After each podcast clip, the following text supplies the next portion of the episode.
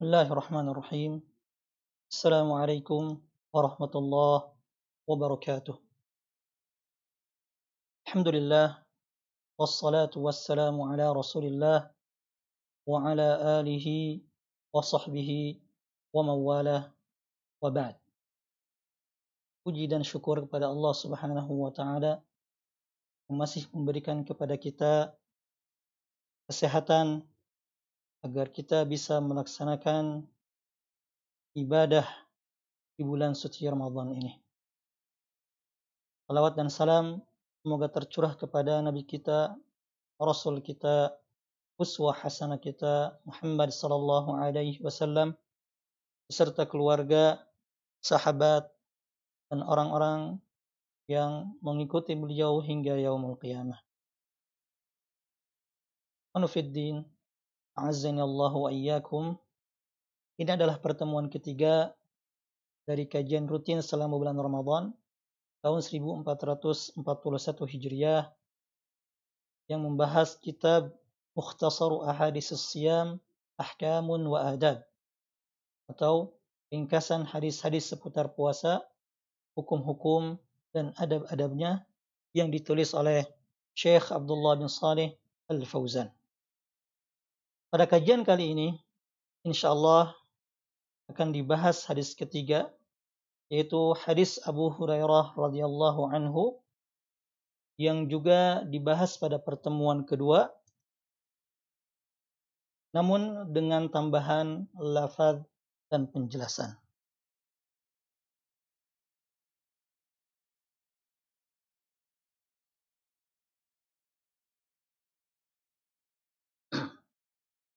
Al-hadis salis fi syai'in min fadailis siyam.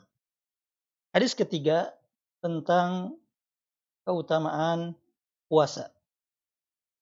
An Abi Hurairah radhiyallahu anhu anna Rasulullah sallallahu alaihi wasallam qaal Diriwayatkan dari Abu Hurairah radhiyallahu anhu bahwa Rasulullah sallallahu alaihi wasallam bersabda Kullu amal ibni Adam yudha'af setiap amalan anak Adam akan dilipat gandakan. Al-hasanatu bi'ashri amthaliha ila sab'imiati dhi'fin. Satu kebaikan akan dibalas dengan 10 hingga 700 kali lipat. Qala Allah Azza wa Jal Allah Azza wa Jalla berfirman illa saum kecuali puasa fa innahu li karena sesungguhnya puasa adalah untukku. Wa ana ajzi bihi. Dan aku sendiri yang akan membalasnya. Yada'u syahwatahu wa ta'amahu min ajri. Ia tinggalkan nafsu syahwatnya. Dan juga nafsu makannya. Demi aku. Walisaimi farhatan. Orang yang berpuasa akan mendapatkan dua kegembiraan farhatun inda fitrihi. Kegembiraan saat ia berbuka. Wa farhatun inda liqa'i rabbih dan kegembiraan tatkala ia bertemu dengan Rabbnya. Wala khulufu famis saim. Atyabu indallahi min rihil misk. Dan sungguh bau mulut orang yang berpuasa lebih harum di sisi Allah daripada minyak kasturi. Muttafaqun alaih. Penulis menjelaskan, Al-hadis dalilun ala fadli siyam wa azimi manzilatihi Allah ta'ala. Hadis ini merupakan dalil tentang keutamaan puasa dan kedudukannya yang agung di sisi Allah Ta'ala. وقد جاء في هذا الحديث أربع من فضائله الكثيرة dan dalam hadis ini terdapat empat keutamaan puasa dari sekian banyak keutamaan lainnya. Al-ula, keutamaan utama. Anna as-sa'imin yuwaffawna ujurahum bighairi hisab. Orang-orang yang berpuasa akan disempurnakan pahala mereka tanpa batas. Fa innal a'mala كلها تضاعف بعشر أمثالها إلى سبعمائة ضعف Karena semua amalan akan dilipat gandakan pahalanya hingga 10 kali lipat, bahkan hingga 700 kali lipat. Illa siyam, kecuali ibadah puasa. فإنه لا ينحصر تضعيفه في هذا العدد. Karena sesungguhnya pelipatan pahala bagi ibadah puasa tidak terbatas pada jumlah tersebut. Bal yudha'ifuhu Allah azza wa jalla ad'afan katsirah. Akan tetapi Allah azza wa jalla akan melipat gandakan pahala puasa berlipat ganda. Artinya tidak terbatas. Lianna siyam minas sabri. Karena ibadah puasa termasuk dari bagian kesabaran. Dan Allah Subhanahu wa taala berfirman tentang orang-orang yang sabar, "Innama yuwaffas sabiruna ajrahum bighairi hisab." Sesungguhnya hanya orang-orang bersabarlah yang dicukupkan pahala mereka tanpa batas. Al-Auza'i rahimahullahu taala menjelaskan, "Laisa yuzanu lahum wa la yukalu, innama yughrafu lahum gharfan." Orang-orang yang bersabar pahala mereka tidak bisa ditimbang atau ditakar. Sesungguhnya pahala mereka hanya bisa diukur dengan cara disekop. Artinya, begitu besarnya pahala mereka sehingga tidak bisa ditimbang dengan takaran atau dengan timbangan. Dan puasa adalah termasuk ibadah yang sangat agung, bagian dari kesabaran bahkan di dalam puasa terhimpun tiga jenis kesabaran, yaitu sabar dalam rangka taat kepada Allah, sabar dalam rangka menjauhi menjauhi maksiat, dan sabar saat menerima cobaan. Sabar dalam rangka taat kepada Allah karena puasa dan ketaatan lainnya yang dilakukan di bulan Ramadan butuh kesabaran. Baik itu puasanya, salat tarawihnya, membaca Al-Qur'annya, sedekahnya, dan ibadah-ibadah yang lainnya butuh kesabaran. Kemudian puasa juga merupakan sabar dari menjauhi maksiat. Karena menjaga dari maksiat dan hal-hal yang bisa merusak atau bahkan membatalkan puasa butuh kesabaran. Begitu juga dalam puasa terdapat sabar dari menerima cobaan. Karena rasa lapar dan haus adalah bagian dari cobaan yang harus dihadapi dengan kesabaran. Jadi ibadah puasa menghimpun tiga jenis kesabaran. Yaitu sabar dalam rangka taat kepada Allah, sabar dalam menjauhi maksiat Allah dan sabar ketika menerima cobaan dari Allah Subhanahu wa taala. Kemudian keutamaan kedua di antara keutamaan puasa yang disebutkan dalam hadis bahwa anna Allah taala adhafa as-sawma ila nafsihi bahwa Allah Subhanahu wa taala menyandarkan ibadah puasa kepada dirinya dari antara seluruh amalan lain. Wahada wallahu a'lam likaunihi yastaw'ibu an-nahar kullahu. Hal ini Allah taala alam Allah lebih tahu hikmahnya likaunihi yastaw'ibu an-nahar kullahu. Karena ibadah puasa menghabiskan seluruh waktu siang. Fayajidu as-sha'im faqda syahwatihi wa tatuqu nafsuhu ilaiha. Sehingga orang yang berpuasa merasa kehilangan syahwatnya sementara dirinya menginginkannya. La siyama fi nahari saif litulihi wa shiddati harrihi. Terutama pada siang hari musim panas yang panjang dan sangat panas. Dan perlu diketahui bahwa ibadah puasa atau bulan Ramadan di Jazirah Arab termasuk di antaranya Arab Saudi mungkin berbeda dengan ibadah puasa yang kita lakukan di tanah air kita. Mungkin di sana terasa lebih berat karena waktu siang itu lebih lama daripada waktu malam. subuhnya biasa seperti kita sekitar jam 4, namun maghribnya itu biasanya sekitar setengah 6 atau afan eh, setengah 7 bahkan sampai jam 7 lebih.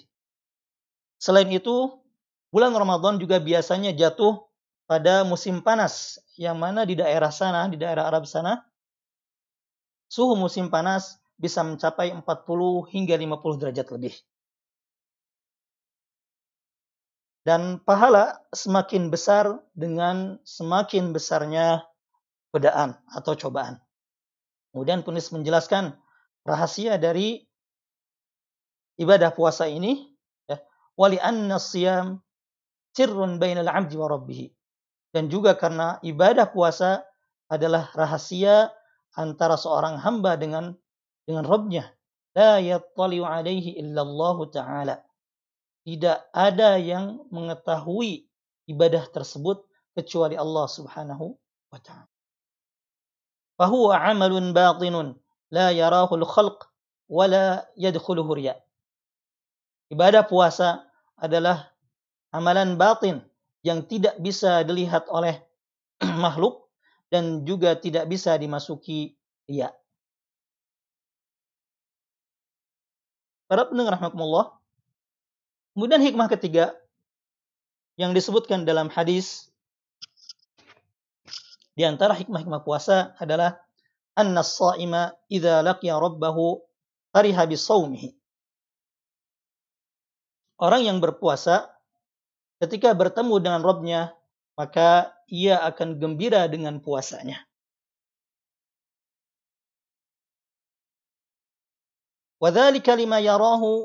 Min jazaihi wa thawabihi.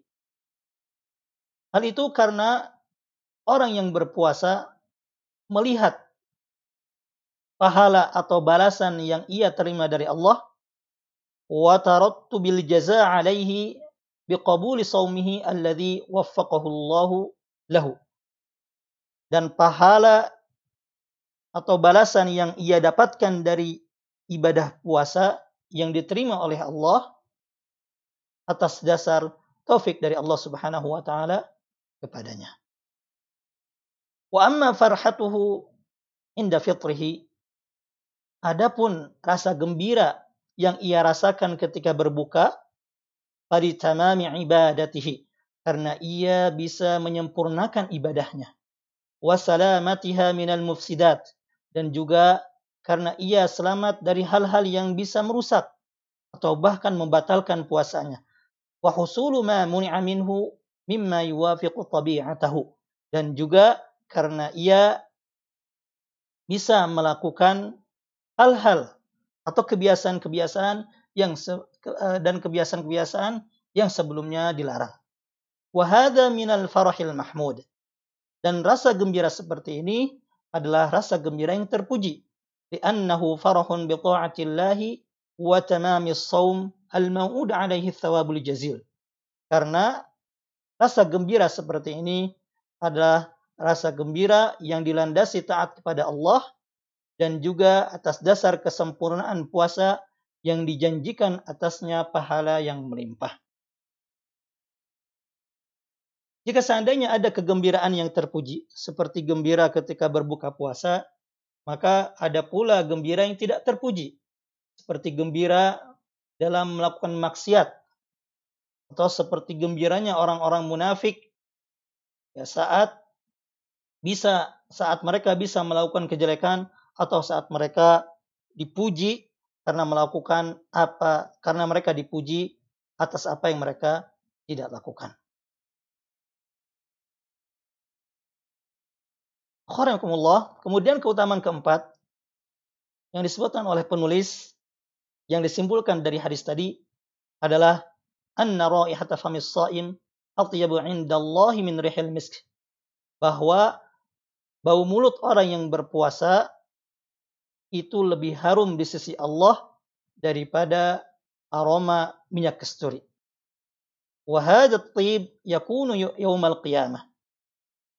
Dan aroma ini akan tercium kelak di hari kiamat. Karena di hari kiamat adalah waktu ditampakkannya pahala atas semua amalan. Berdasarkan hadis Nabi SAW dalam riwayat lain, Atyabu indallahi yaumal qiyamah. Bahwa bau mulut orang yang berpuasa lebih harum di sisi Allah di hari kiamat. وهذه الرائحة وإن كانت مكروهة في مشام الناس في الدنيا lakinnaha atyabu indallahi min rihil misk. Bau ini meskipun dibenci menurut penciuman manusia di dunia, namun di sisi Allah lebih harum daripada minyak kasturi. Likauniha nasyiatun an ta'atillahi ta'ala. Karena aroma tersebut atau bau tersebut timbul karena ketaatan dari taat kepada Allah Subhanahu wa taala. Demikianlah sebuah kebaikan. Tidak semua yang dibenci itu buruk. Sebaliknya dan tidak semua yang disukai itu baik. Bisa saja sesuatu yang kita benci ternyata lebih dicintai oleh Allah Subhanahu wa taala. Atau apa yang kita suka belum tentu baik di sisi Allah Subhanahu wa taala.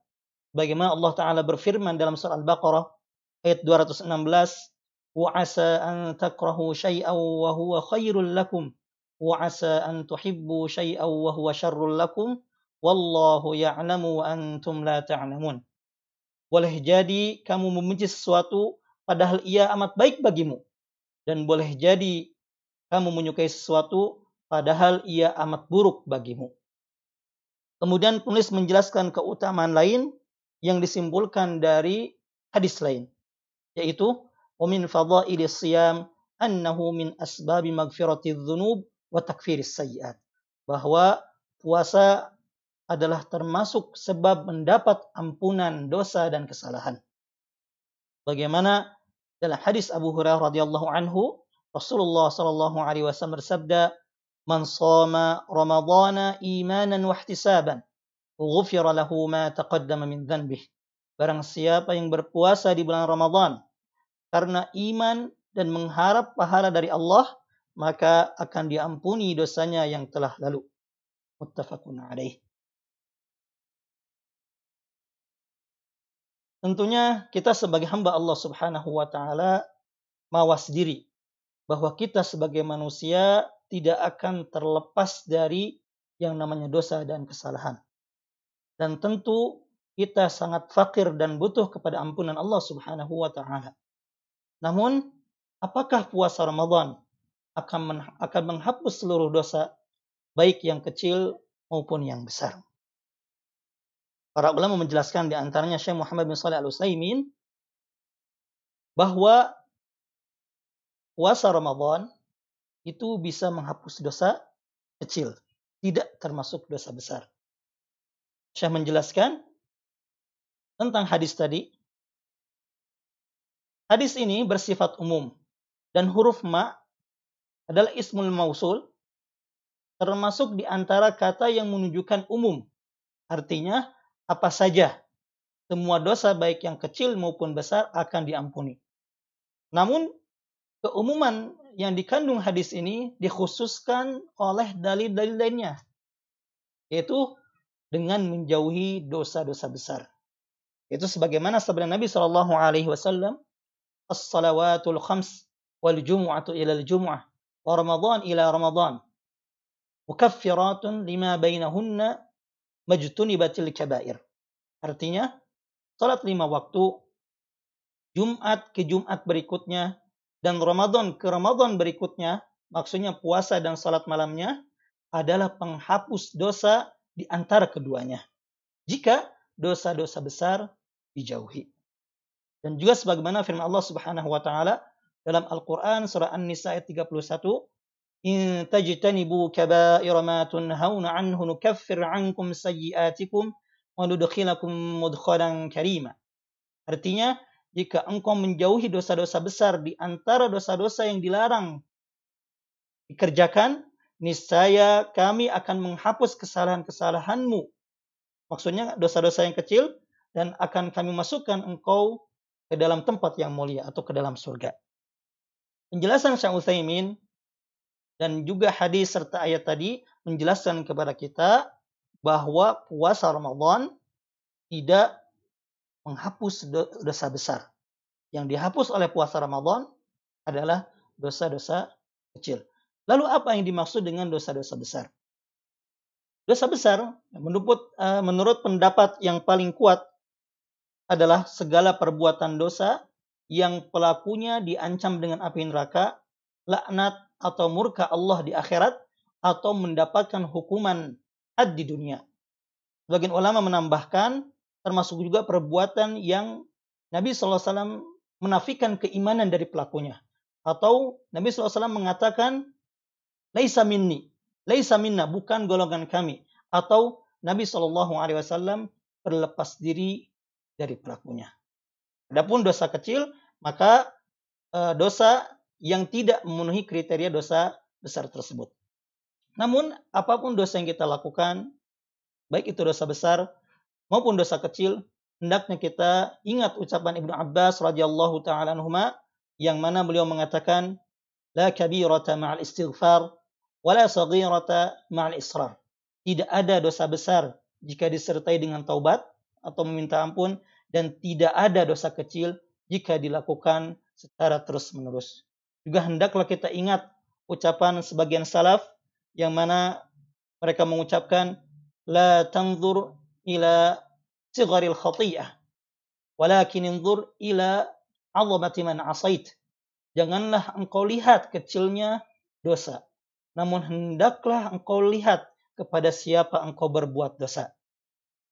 Dan dosa besar hanya bisa dihapus dengan tobat nasuha, yaitu tobat yang tulus yang memenuhi syarat-syaratnya yang tiga. Yang pertama adalah menyesali dosa yang telah dilakukan. Kemudian yang kedua, berhenti atau meninggalkan dosa yang dilakukan tersebut. Kemudian yang ketiga, bertekad untuk tidak mengulangi dosa itu. Kemudian jika dosa tersebut berkenaan dengan hak Adam atau hak manusia, hak orang lain, maka hendaklah hak tersebut ditunaikan atau diminta kehalalannya. Kemudian para ulama menambahkan dua syarat lain pada tiga syarat tadi, yaitu yang pertama, hendaklah taubat dilakukan ikhlas kepada Allah Subhanahu wa taala. Kemudian yang kedua, hendaklah taubat dilakukan sebelum waktunya habis. Yaitu ketika nyawa seseorang sampai di kerongkongannya atau ketika matahari terbit dari arah barat. Hal itu sebagaimana sabda Nabi Shallallahu Alaihi Wasallam, لا تنقطع hijrah hatta tanqati'at taubah wa la tanqati'at taubah hatta tatlu'a syamsu min maghribiha. Hijrah tidak akan pernah berhenti sampai tertutupnya pintu taubat. Dan pintu taubat tidak akan tertutup sampai matahari terbit dari arah barat. Hadis riwayat Ahmad dan lainnya. Juga sabda Nabi Shallallahu Alaihi Wasallam, Inna Allah Azza wa Jalla yakbalu, yakbalu taubatal abdi ma lam. Sungguhnya Allah menerima taubat seorang hamba selama nyawanya belum sampai di kerongkongan. Hadis riwayat Tirmidzi dan beliau katakan hasan. Jadi itulah total syarat-syarat taubat ada enam. Yaitu menyesali dosa yang dilakukan, kemudian berhenti dari dosa itu, lalu bertekad untuk tidak mengulanginya, Kemudian yang keempat, jika dosa tersebut berkenaan dengan hak manusia, hendaknya ditunaikan. Kemudian hendaklah yang kelima, hendaklah taubat dilakukan ikhlas kepada Allah Subhanahu wa taala. Kemudian yang keenam, hendaklah taubat dilakukan sebelum Allah Subhanahu wa taala memanggil kita atau sebelum matahari terbit dari barat. Kemudian penulis memberikan kita sebuah nasihat penting mengenai keutamaan-keutamaan tadi. Lakin al-fadail la takunu illa liman sama mukhlishan lillahi ta'ala an at-ta'am wasyarab wan nikah. Akan tetapi keutamaan yang yang disebutkan tadi yaitu